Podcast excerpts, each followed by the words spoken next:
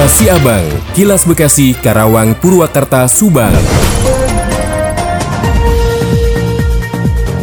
Dikabarkan dari Subang Poi, alegoris marak 75 tahun Kabupaten Subang yang menyedot ribuan masyarakat Kabupaten Subang membuat delegasi dari Korea Selatan terkesima. Pawai alegoris kembali digelar setelah tiga tahun vakum karena pandemi COVID-19. Karnaval dalam rangka HUT Subang kembali digelar pada usia Kabupaten Subang genap 75 tahun. Dari pantauan peserta pawai alegoris ini diikuti seluruh OPD pemerintah Kabupaten Subang, perwakilan kecamatan dan elemen lain. Mereka membawa kendaraan hias dan aneka kreasi yang disesuaikan potensi di masing-masing peserta. Pawai alegoris ini bergerak dari Jalan Oto Iskandar Adinata menuju alun-alun pemerintah Kabupaten Subang. Di sepanjang akses jalan tersebut untuk sementara ditutup untuk kendaraan. Di depan Masjid Agung Subang Al-Musabako terdapat panggung untuk tamu kehormatan yang diisi oleh Bupati, Wakil Bupati, Sekda Pejabat Perkopimda, dan elit pemerintah Kabupaten Subang. Tidak hanya itu pejabat sub tidak hanya pejabat Subang, tampak di kursi terdepan ada wali kota Kim Chon yakni Mr. Kim Chung dan ketua DPRD kota Kim Chon yakni Lee Myung Ging. Dua petinggi di kota Gimcheon itu datang ke Subang sejak beberapa waktu lalu untuk melakukan kerjasama dengan beberapa desa di Kabupaten Subang. Kedua petinggi di Korea Selatan yang bersebelahan dengan Bupati dan Wakil Bupati Subang tampak terkesima dengan iring-iringan pawai alegoris yang mengusung potensi daerah. Puluhan peserta pawai alegoris itu melintas di depan panggung utama untuk dilakukan penilaian. Mereka juga diberi performance selama 3 menit di depan panggung utama. Seintan Azara melaporkan dari Subang untuk Kilas Siabang. Kilas Siabang, Kilas Bekasi, Karawang, Purwakarta, Subang.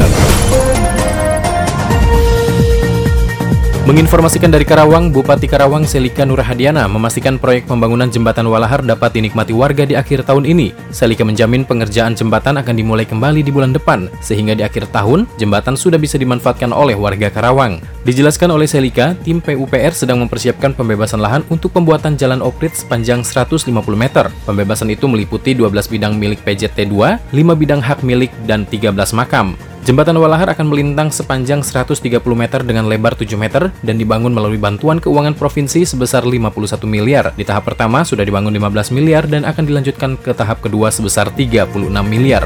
Demikian Yuda Arya Seta, 96,9 FM ADS Radio Karawang untuk Kilas Siabang. Kilas Siabang, Kilas Bekasi, Karawang, Purwakarta, Subang.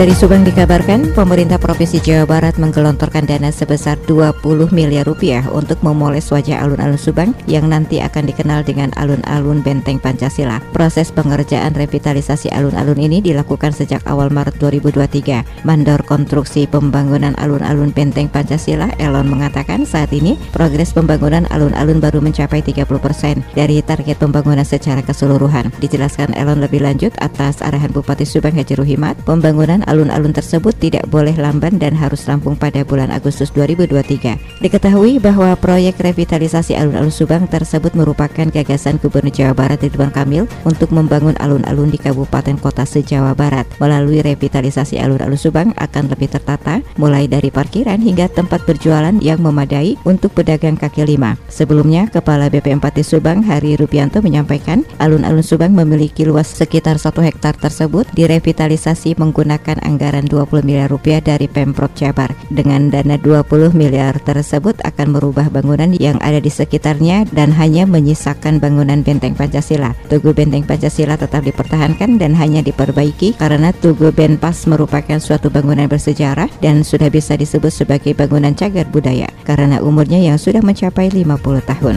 Demikian Tika, GSP Radio Pamanukan mengabarkan untuk Kilas Siabang. Kilas Siabang, Kilas Bekasi, Karawang, Purwakarta, Subang.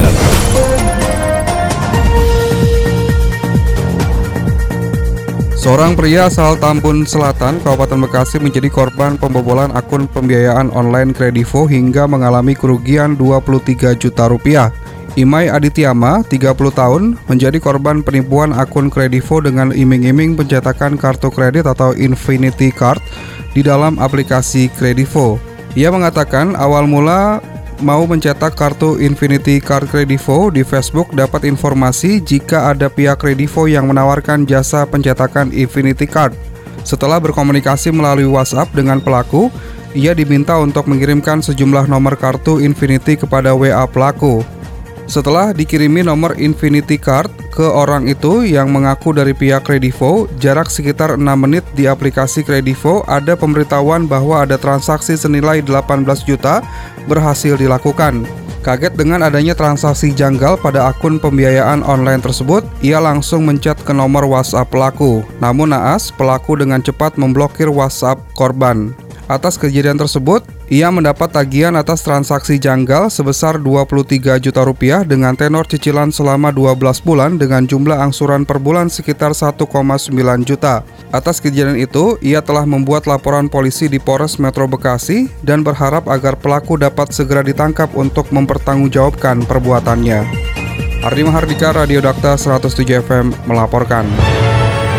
Demikian kilas Abang yang disiarkan serentak Radio Dakta Bekasi, Radio Gaya Bekasi, Radio El Gangga Bekasi, Radio ADS Karawang, Radio GSP Subang, Radio Mustika Subang, Radio El Sifa Subang, Radio MKFM Subang. Nantikan kilas Abang selanjutnya.